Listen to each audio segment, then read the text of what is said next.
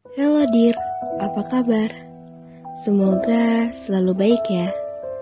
Jadi, bagaimana sekarang? Sudahkah berhasil untuk melupakannya?